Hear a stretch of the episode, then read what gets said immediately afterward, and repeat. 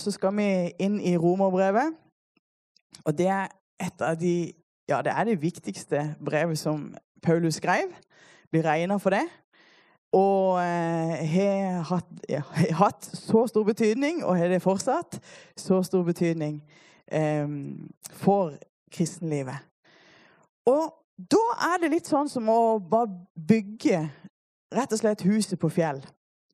At en får grunnmuren ordentlig, sånn at det kan tåle en trøkk. For vi vet at det kommer noen storm igjen. Um, og det kan komme forskjellige ting, men da vet jeg at nei, men, jeg bygger på fjell. Jeg hører Guds ord, jeg leser Guds ord, og jeg gjør etter det. Da er en lik en mann som bygde sitt hus på fjell. Og når stormen kom, så sto det fortsatt. Og sånn er det vi bygger, og sånn er det vi bygger livene våre. Så at en vet at vi er forberedt. vi er forberedt. Romerne um, Jeg vil bare si litt innledningsvis om uh, romerbrevet. For uh, jeg tror dette skal bli en utrolig spennende reise. Uh, det har vært sånn med de andre brevene og bøkene som vi har vært igjennom. For jeg har hatt det som en litt sånn tradisjon at på vårparten så har en gått gjennom ei bok. Og det er Jeg, jeg føler meg så privilegert at en kan få lov å studere og gå enda mer inn i, i Guds ord. Og bare kjenne at det er, det er virkelig skatter å hente. Og når en lever på en måte i, i disse i, ja, i disse kapitlene, i disse versene, så gjør det noe med en. Plutselig så kommer det noen åpenbaring. Plutselig så er det noe som bare blir så sterkt, og som gjør noe med en. Så jeg håper at du òg i denne tida så, så, så, les romerne. Og ikke bare les romerne. Gransk Skriftene, står der. ikke sant? Dukk ned i det. Og, og så jeg, jeg vil ha tak i alt av skatter som fins. Det er som de som graver til gull. ikke sant? De vil, ha, de vil finne de, de minste gullbedene fordi de er så verdifulle. Og sånn er det. Vi vil ha eh, dybden òg i Guds ord. For at det gjør noe med våre liv. Romerbrevet det, Vi kommer til å gå mye i forhold til evangeliet og frelsen de elleve første kapitlene så snakkes det mye om eh, eh, hva vi tror på. Og etter det så er det litt mer eh, hvordan vi lever. Og eh, Så Paulus bruker rett og slett ganske mye tid på å forklare. Og det tenker jeg er kanskje noe av det som er bakgrunnen for eh, hvorfor han skrev romerbrevet. For i, i Roma så var det både jøder og hedninger som Og, og for å forklare rett og slett for dem evangeliet. Og forklare at òg eh, at den er blitt ett. I, eh, og det kommer jo tilbake igjen i forhold til, til dette med israelsfolket og det, som òg er veldig spennende. Romerbrevet det ble jo skrevet Det står noe med i Romerne 1525 at han, han reiste en gang da han reiste til Jerusalem. Så jeg antar at han, han, skrev brevet da han var i Korint. For det der står òg at han hilser for folk som er fra Korint. Um, og sånn ca. 56-57 år etter Kristus. Så da, hvis en tenker, så eh, Jesus døde og sto opp igjen år 33. Eh, og en tenker seg kanskje Paulus eh, møtte Jesus eh, da han skulle til Damaskus, på en så eh, utrolig måte. Kanskje sånn eh, år 35-36 der. Så har det kanskje gått 20 år fra han tok imot Jesus, til at han nå skrev dette brevet. Dette var jo ikke det første brevet, selv om det står først. Han, det regnes for at det første og andre tesalonikerbrev ble skrevet før, og andre brev òg før. Og så kan jeg jo se at han eh, hadde en sekretær som, eh, som hjalp. Og det var veldig vanlig i den tida å ha en som eh, skrev. Og han da eh, dikterte hva han skulle skrive. Og han eh, heter Tertius, han som, eh, som førte det i pennen. da. Så Og Roma. Roma var jo eh, ja, den første millionbyen. Og sånn verdens sentrum på en måte på den tida.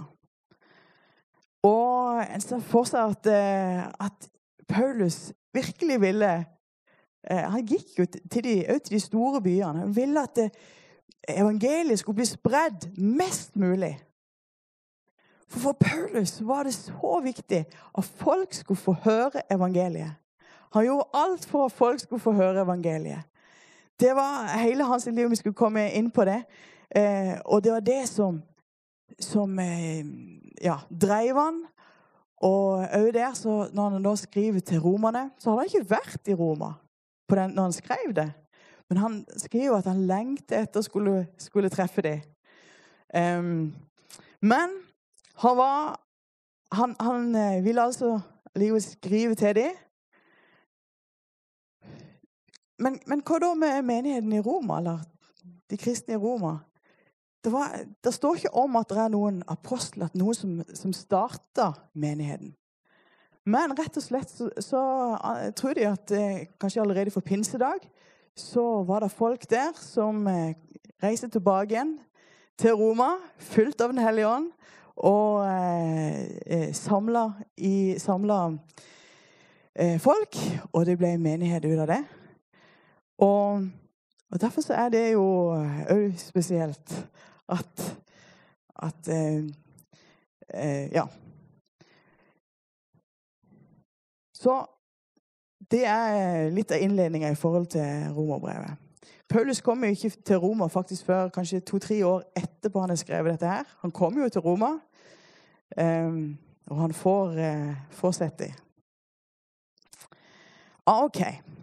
Da skal vi lese litt. Skal vi se Du får bare hjelpe meg, Caleb. Det står fra Roman 1. Vi kan lese de fire første versene.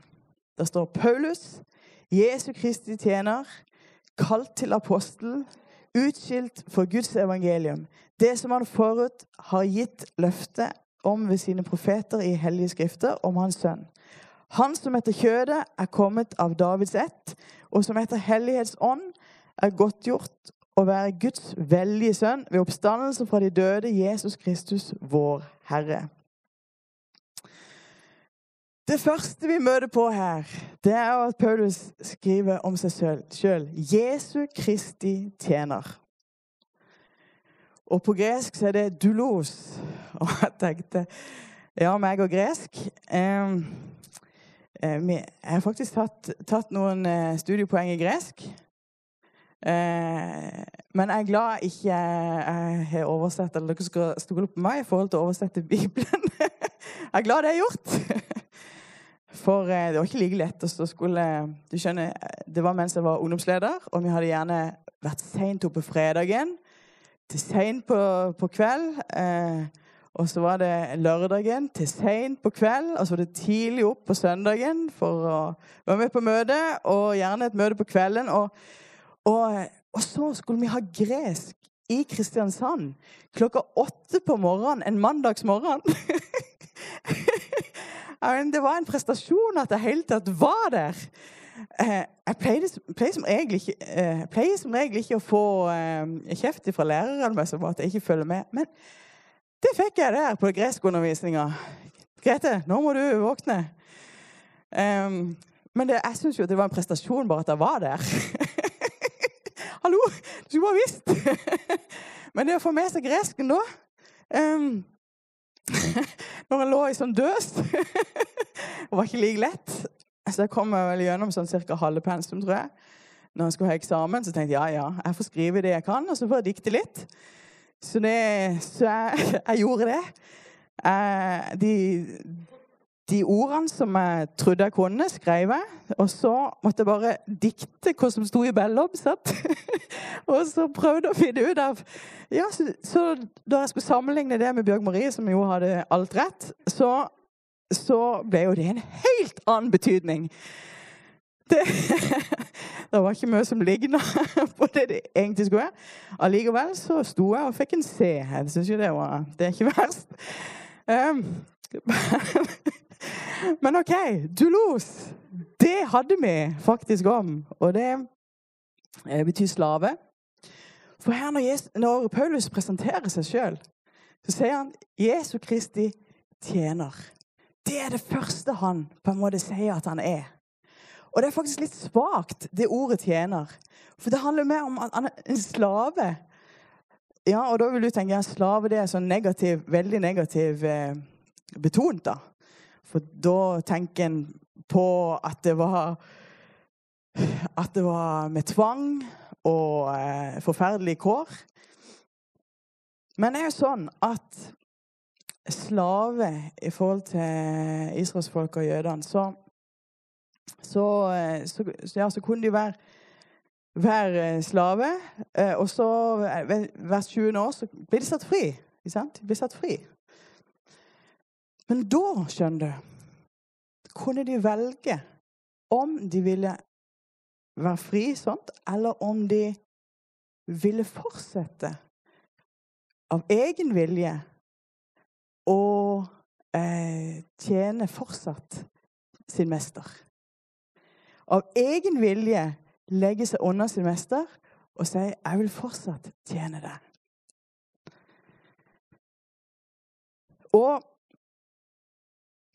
Eh, og det sier jo veldig mye om det forholdet som Paulus hadde til, til Jesus, han hadde til Jesus, og som vi òg skal ha til Jesus. Jesus han har jo kjøpt dere fri, han har gjort dere fri. Og så er det noe som gjør at vi ut ifra vår frie vilje, ikke ut ifra tvang, det er ikke han som sier 'nå må du gjøre sånn', nå må du... men ut ifra ja, Vi er kjent og erfart hans kjærlighet. Og så velger vi og så sier jeg vil, jeg vil tjene deg. Du er min mester. Ja, Det var faktisk sånn at de til og med er det noe som er hull i ørene. Men de, de to hull i, i, i, ørene sånn for å merke at de var eh, under mesteren og at de tilhørte. De tilhørte sin mester. Og nå, Jeg vet ikke om du er et hull i øret den måten, men vi har likevel blitt merka på den måten at vi vil si jeg tilhører deg, Jesus. Du er min absolutte mester og herre, og jeg tilhører deg for resten av livet ikke det flott? Etterpå så ser han at eh, eh, Paulus skriver da at han var kalt til apostel. Så ser først denne ydmyke holdninga der i forhold til han er, han er Jesu Kristi tjener. Han er, han er Ja. Han er eid av, av, eh, av Jesus. Han tilhører Jesus. Og så kommer tjeneste. Ja, han er kalt til apostel. Og det, gir, det er jo en sånn myndighetsautoritet i det. Han kalte apostel. Jesus har gitt han en autoritet i å være apostel. I å forkynne evangeliet, i å nå ut. Eh, og det er en autoritet i det. Utskilt for Guds evangelium. Ja, faktisk separert på den måten at hele hans liv handler om å skulle eh, forkynne evangeliet. Var satt til side både for å forkynne evangeliet. Hele hans liv handla om det. Så han var Jesu Kristi tjener, ydmyk. Han som er mester. Han hadde fått autoritet gjennom å bli kalt apostel. Og han var satt til side for Guds evangelium. Det som han forut har gitt løfte om ved sine profeter i hellige skrifter, ja, i hele Gamle testamentet så kan en se om Jesus og evangeliet. Det er så nydelig når en leser i Gamle testamentet og ser konturer av evangeliet gang på gang på gang. Og så står det videre at han etter kjødet er kommet av eh, ja, Om hans sønn, han som etter kjødet er kommet av Davids ett. Først så står det jo da Du ser jo tydelig at han var sant Gud og sant menneske. Sann Gud og sant menneske. Og oppstandelsen beviser at han er Guds sønn.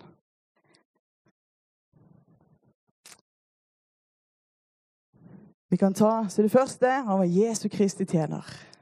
Ja, Du får bare hjelpe meg videre på det neste punkt. Nåde og troens lydighet. Vi kan lese litt videre. Ved ham har vi fått nåde og apostelembete for å virke troens lydighet blant alle hedningefolkene for hans navns skyld. Blant dem er også dere kalt til Jesus Kristus, til alle Guds elskede, kalte og hellige som er i Roma. Nåde være med dere og fred fra Gud, vår Far og Herren Jesus Kristus. Ved ham, med Jesus, ved Jesus, så har vi fått nåde. Og det er stort. Nåde. 130 ganger minst står det i, uh, i Nytestamentet om nåde. Og nåde som er Guds favør. At, han, at vi er blitt akseptert av Gud. Vi har fått nåde, blitt velsigna av Gud. Nådefullt. Og det Tenk at Gud, han ser på oss ved Jesus, så ser han på oss med favør, med glede, med kjærlighet. Med Ja, han har gitt dere nåde. Og det, er, og det, det kommer jo tilbake igjen til så mange ganger, for det er jo noe av kjernen. Det er nåden vi har fått i Jesus. Nåden vi har fått av Han, som gjør at Ja, så, så ber jeg gitt dere både frelsen og liv i Han, og en velsignelse med Han, som er helt utrolig. Og så står det òg, om eh, troens lydighet. Du kan ta det opp en gang til som vi ser. For da står det om nåde. Og vi vil jo gjerne være og vasse i nåden, og det skal vi få lov til å vasse i nåden. Det står òg om troens lydighet. Om viktigheten av troens lydighet. Og det er jo å høre det mesteren sier. Er til og med i, eh, i vårt språk så lydighet. Det handler om lyd. Ja, at vi hører det mesteren sier, og at vi gjør etter det. Så det er en nåde, og så er det en troens lydighet som vi skal vandre i. Å vandre etter det som Guds ord sier, og det mesteren sier. Og der ser vi igjen den, den eh, At Paulus var helt underlagt på en måte Jesus. Det er han som er mester. Det han sier, hører på. Det han sier, vil jeg gjøre.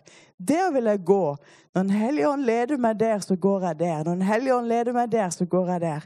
Og han var helt på en måte Det var, det var Jesus.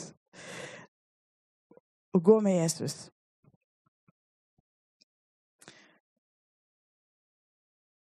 Vi er blitt kalt av Jesus Kristus. Vi er blitt kalt av Jesus Kristus. Og I vers 7 der så står det til alle Guds elskede, kalte og hellige. Du er Guds elskede. Du er Guds kalte og Guds hellige. Er ikke det godt? Hæ? Du kan gjerne si det til sidemannen. Du er Guds elskede, kalte og hellige. Hvordan ser hvordan, hvordan ser du på deg sjøl? Det er så lett for at vi tenker, negative tanker om mye negativt. Det skulle vært sånn, og det skulle vært sånn, og det skulle vært sånn. Men vet du, Guds tanke for deg er at du er hans elskede. Du er hans kalte. Han har kalt deg. Han ønsker å være nær deg. Han, ønsker, han er kalt på deg. Du kan tenke at ja, men jeg er jo kalt på Gud. Nei, vet du hva? Han er kalt på deg så mye mer. og hellige. Det er jo sånn vi, vi, vi, klarer ikke å forstå, for det vi vet veldig godt alle ting som egentlig skulle ha vært bedre. Og jeg er sikker på Hvis du ser på denne menigheten her, så har du ei, liste som du kan ramse opp at det er de ikke så gode på. Og der var det noen som såra meg, og der var det noe som skjedde galt. Og ja, vi ønsker jo Ja, jeg skulle gjerne ha, uh, hatt den lista annerledes, for å si det sånn.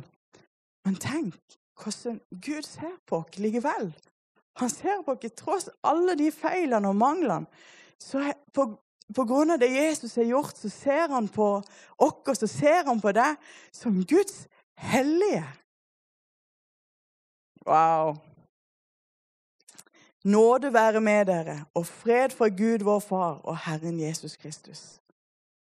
Det er den eh, velsignelsen vi får lov å ha med oss hver dag, med nåde. At nåden er med oss, og freden ifra Gud og, og Herre Jesus Kristus. Ja. Det står eh, mye bra videre fra vers 8 til 13. Men jeg, jeg, må rett og slett hoppe litt. Um, ja, jeg kan forstå ikke den, men uh, du hjelper meg på punkt Ja, jeg skjønner ikke hvorfor. Ta uh, punkt tre der. Og da har vi hoppa ned til vers 14.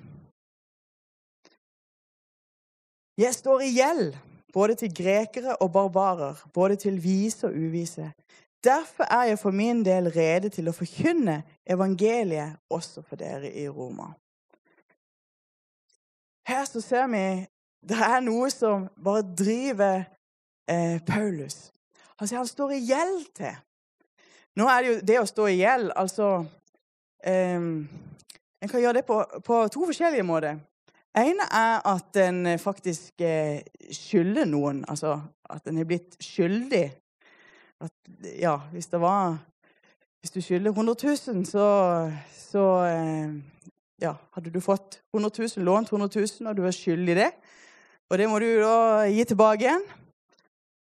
Men det er jo en annen måte en kan være skyldig på. Det er hvis, hvis, eh, hvis noen sier, sier, til deg at disse 100 000 de skal du være med og gi videre.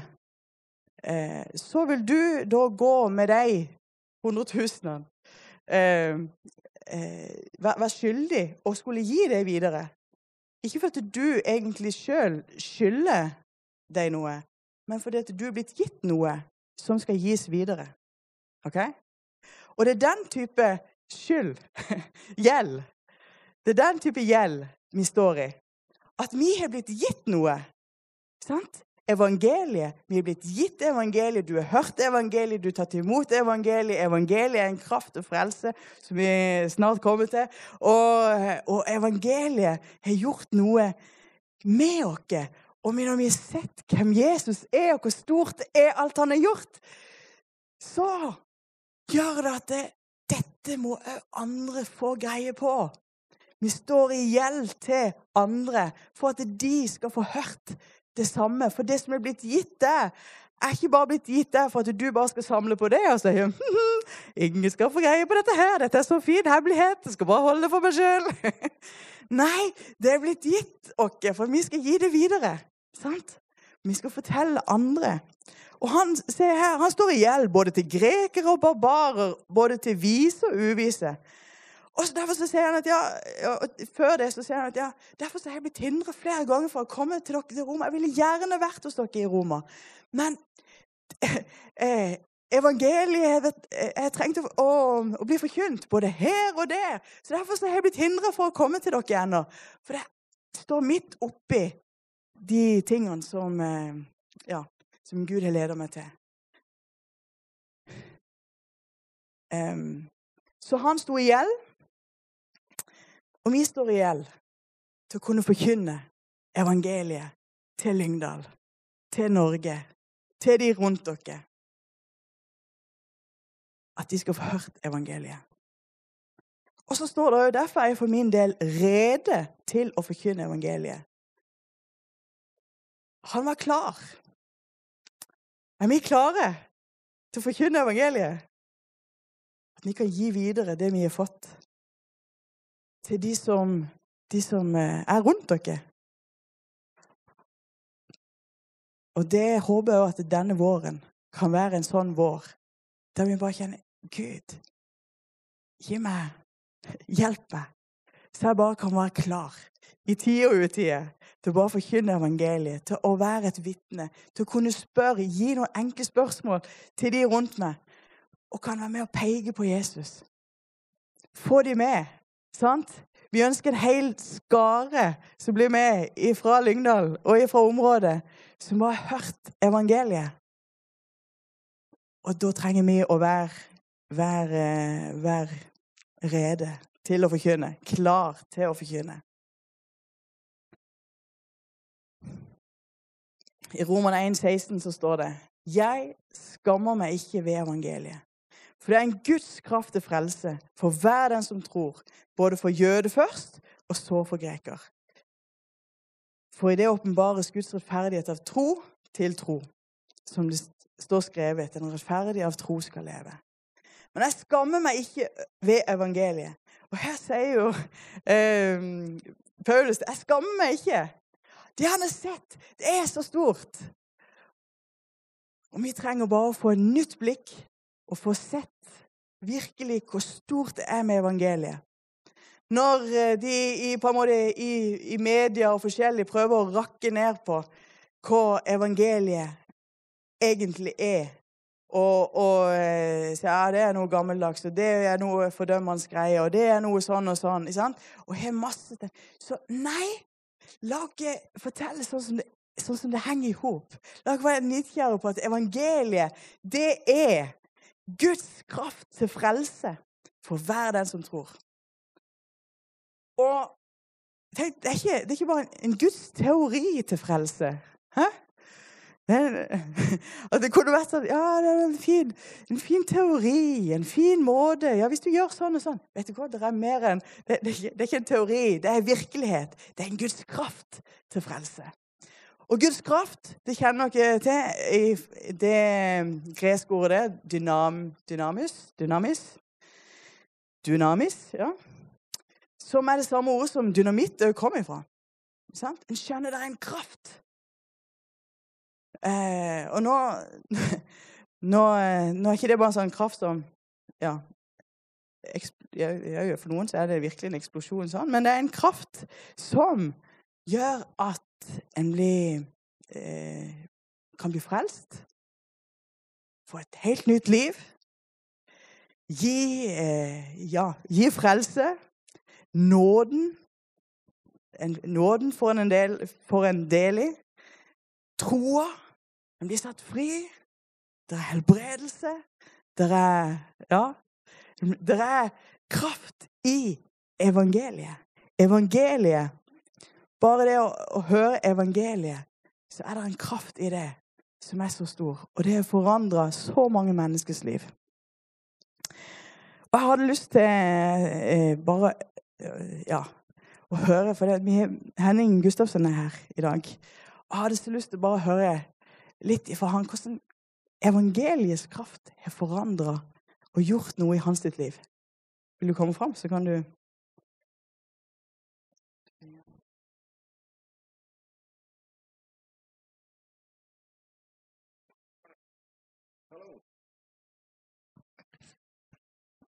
Henning Gustavsen heter jeg.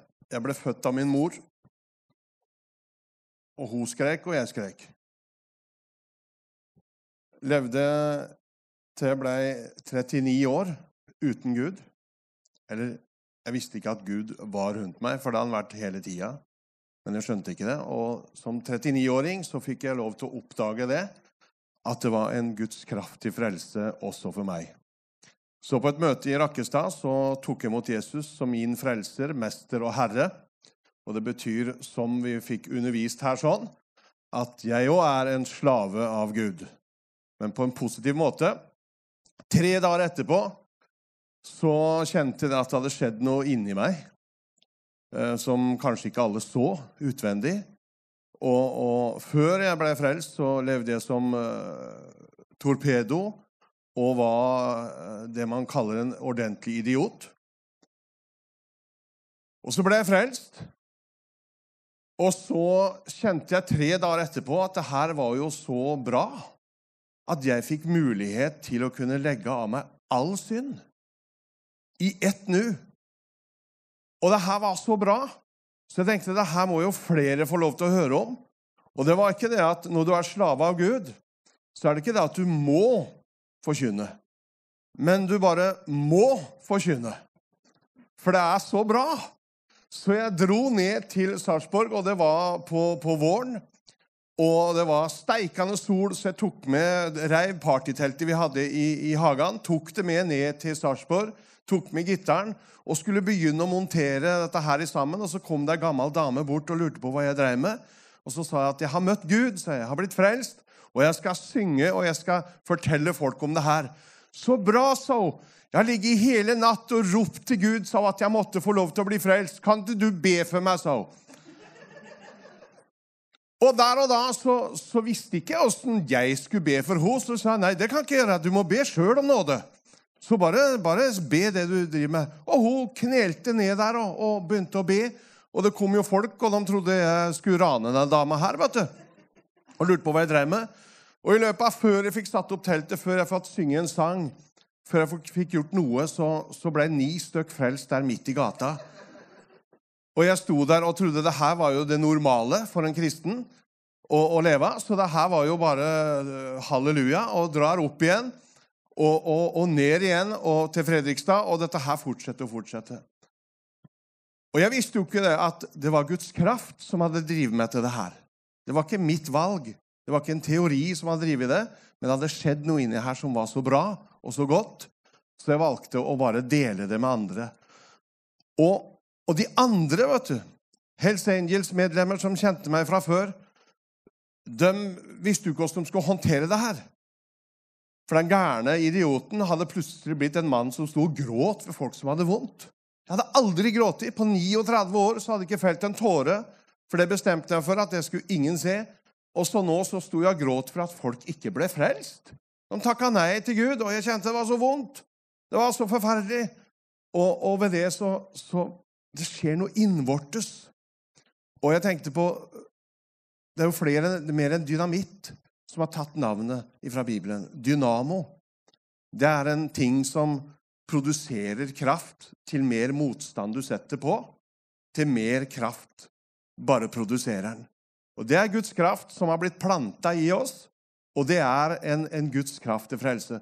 Og Derfor så skammer ikke jeg meg over evangeliet, for det var det som forløste meg ifra djevelens håndtering og klør over mitt liv. Og jeg var så glad da jeg dro hjem, så jeg sa til Gud, må du vise Wenche, så hun ser at jeg er blitt frelst. Så jeg dro hjem fra møtet i Rakkestad. Så kom jeg inn døra der, og hun var jo ikke frelst. Jeg var jo i hvert fall ikke frelst da jeg dro, og kom tilbake. Og så ser hun på meg sånn, og hun sto og vaska opp. Og så ser hun på meg sånn. 'Hva i all verden har skjedd med deg?' sa hun. 'Har du blitt frelst eller noe?' sa hun. Og det der var jo bare en bekreftelse for meg, så jeg datt jo i sekk der på kjøkkengulvet og takka Gud for at hun kunne se det. Og hun sto der forundra. Hva i all verden? Har han blitt nervesvak? Har det klikka for han? Og, og, hun ringte jo mamma da og sa du må ta deg en tur. For jeg, jeg, jeg ble jo åndsdøpt da, utpå ut på kvelden der neste dag. Og, og talte i tunger i tre hele uker. Jeg kom ikke over på norsk og gikk og gråt og, og talte i tunger i tre hele uker. Da jeg var på bensinstasjon og skulle betale for meg, så, så måtte jeg fylle for jevne tall, for jeg kunne ikke si 230 kroner i, i diesel. For da var det bare Og, og tårene kom, så du måtte fylle for 200-500, og så bare heive dem på men, men en gang så hadde jeg fylt litt over, og så måtte jeg stå inne på Statoil, der jeg bodde i Rakkestad. Og så forteller hun dama her at jeg skulle betale for jeg husker ikke summen, men det var ujevnt tall. Og det gikk jo ikke. Så der sto jeg og talte i tunger og gråt inne på Statoil. Og, og, og, flere der sto innpå der, og det var jo flere kristne mennesker der. Så det ble jo det bønnemøtet inne på Statoil i Rakkestad. Og Det der tror jeg var Guds plan for at jeg skulle heise flagg. Hele Rakkestad skulle få lov til å oppleve at det hadde skjedd noe inni her. Halleluja. Så det her er en Guds kraft til frelse. Så, så hvis du tenker smått om deg sjøl, så må du se forbi de tankene, og så leser du i Bibelen hva du er. For du er hva Gud sier du er. Og du kan gjøre og utføre det Gud sier du kan gjøre og utføre. Ikke hva dine tanker gjør, ikke hva dine omstendigheter, ikke hva andre venner sier hva du kan utføre. Det Gud sier du kan utføre, det kan du bare kjøre på. Bånn gass! Det er ikke noe hinder. Nå skal jeg stoppe. Det her er Guds kraft til frelse. Uh, ja, gi han en god klapp. Tusen takk, Henning. Og det er det. Det er Guds kraft. Det er fantastisk. Det er det vi får lov å bærere av. Guds kraft til frelse. Og så det siste punktet. Dere skjønner jeg kommer til å stoppe her. Og så kommer jeg til å ta siste del av, eh, av kapittel 1 og videre eh, neste gang. Men som det, det står skrevet Den rettferdige av tro skal leve. Og det er den store åpenbaringa, vet du. At det er ikke lovgjerningen, det er ikke de tingene som du gjør, men den rettferdige av tro. Det er troa. Troa er så viktig. Eh, den skal leve. Den rettferdige av tro skal leve. Og det kommer vi tilbake igjen til så mange ganger. Det livet vi har fått, og det livet som, som eh, Gud har plassert på innsida, det som har vært evangeliets kraft i våre liv, og fortsatt er en kraft i våre liv, det skal få lov å eh, brenne virkelig, og leve og, og skinne ut ifra våre liv. Og det ber vi om. At vi, ja, vi skal ikke skamme oss i denne tida, men vi skal heise flagg. For det evangeliet er så stort. Og det er ikke bare en teori. Det er virkelighet. Det er kraft og frelse. Vi tar og reiser oss opp og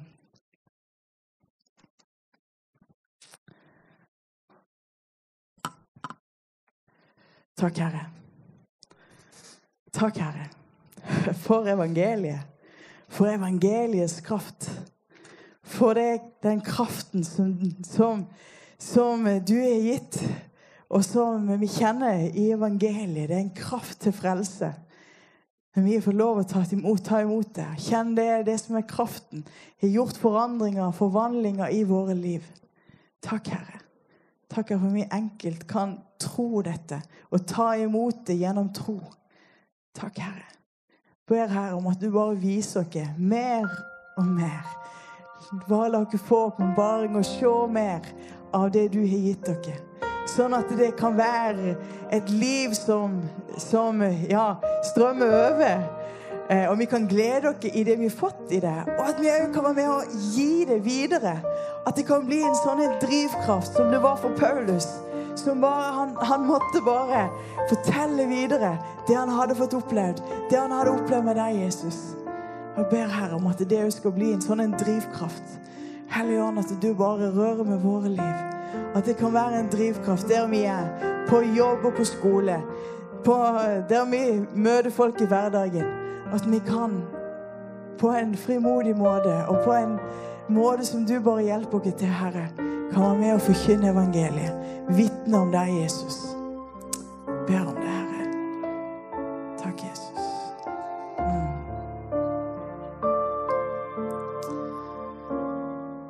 Ønsker sånn som vi ofte gjør, at hvis du ønsker å ta imot Jesus, så selv om det er en søndag formiddag, så ja, kanskje det er din dag i dag. At du trenger bare Ja, jeg vil ta imot deg, Jesus. Jeg vil gjøre deg til min Herre. At eh, jeg vil være din slave på en positiv måte. Jeg vil, være, jeg vil at du skal være min mester. Jeg vil at du skal være min herre. Så kan du rekke opp de hånda, så kan vi være med og be sammen. Er du her som bare ønsker å ta imot Jesus, så kan du det i dag.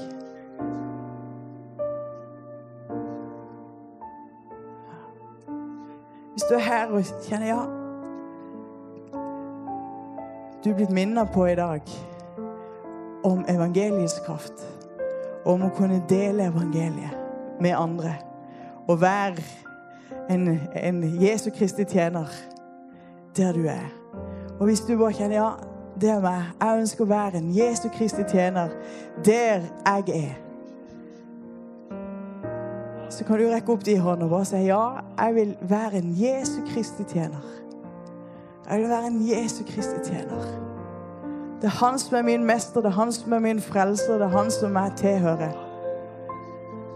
Og det er sånn at vi tilhører før vi tjener. Er ikke det fantastisk? Vi tilhører han før han gir oss et kall. Og vi, til, vi, vi får lov å si 'Jeg vil tjene deg, Jesus'.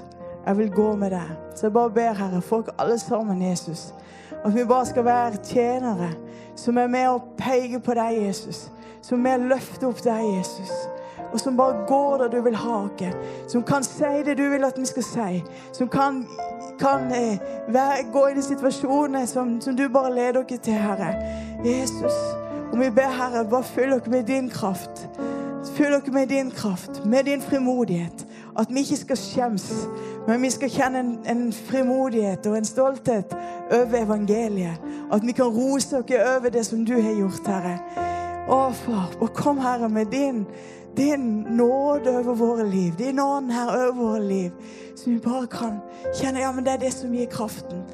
Å, for det som er drivkraften i våre liv. Jesus. Jesus. Og vi ber, Herre, om at mange i Norges land, ja, i dette området, skal ta imot deg i denne tida. Vi ber om det, Jesus. At folk skal finne deg, Jesus. Om, det er, de er alene eller henne de er, men du minner dem på det, Jesus. Om det du minner noe på å kunne ringe til dem, eller, eller vi møter på det, Jesus, og kan være med og snakke om deg, Jesus. Å, far, la den Vi ber, Herre, om at mennesker i denne tida skal bli frelst og få møte evangeliets kraft. I Jesu navn. I Jesu navn. Amen. Ok, tar og lovsynge Gud? Jeg håper du har fått noe du kan ta med deg. Og eh, la dette være en sånn en reise òg for deg. Det er det i hvert fall for meg. Litt sånn vi ser på dette her, litt sånn med nytt blikk. Oi, la oss være nysgjerrige. Hva er, som, hva er det som står videre? Hva er det dette dreier seg om? La oss få, få sett det med nytt blikk i denne tida. Amen.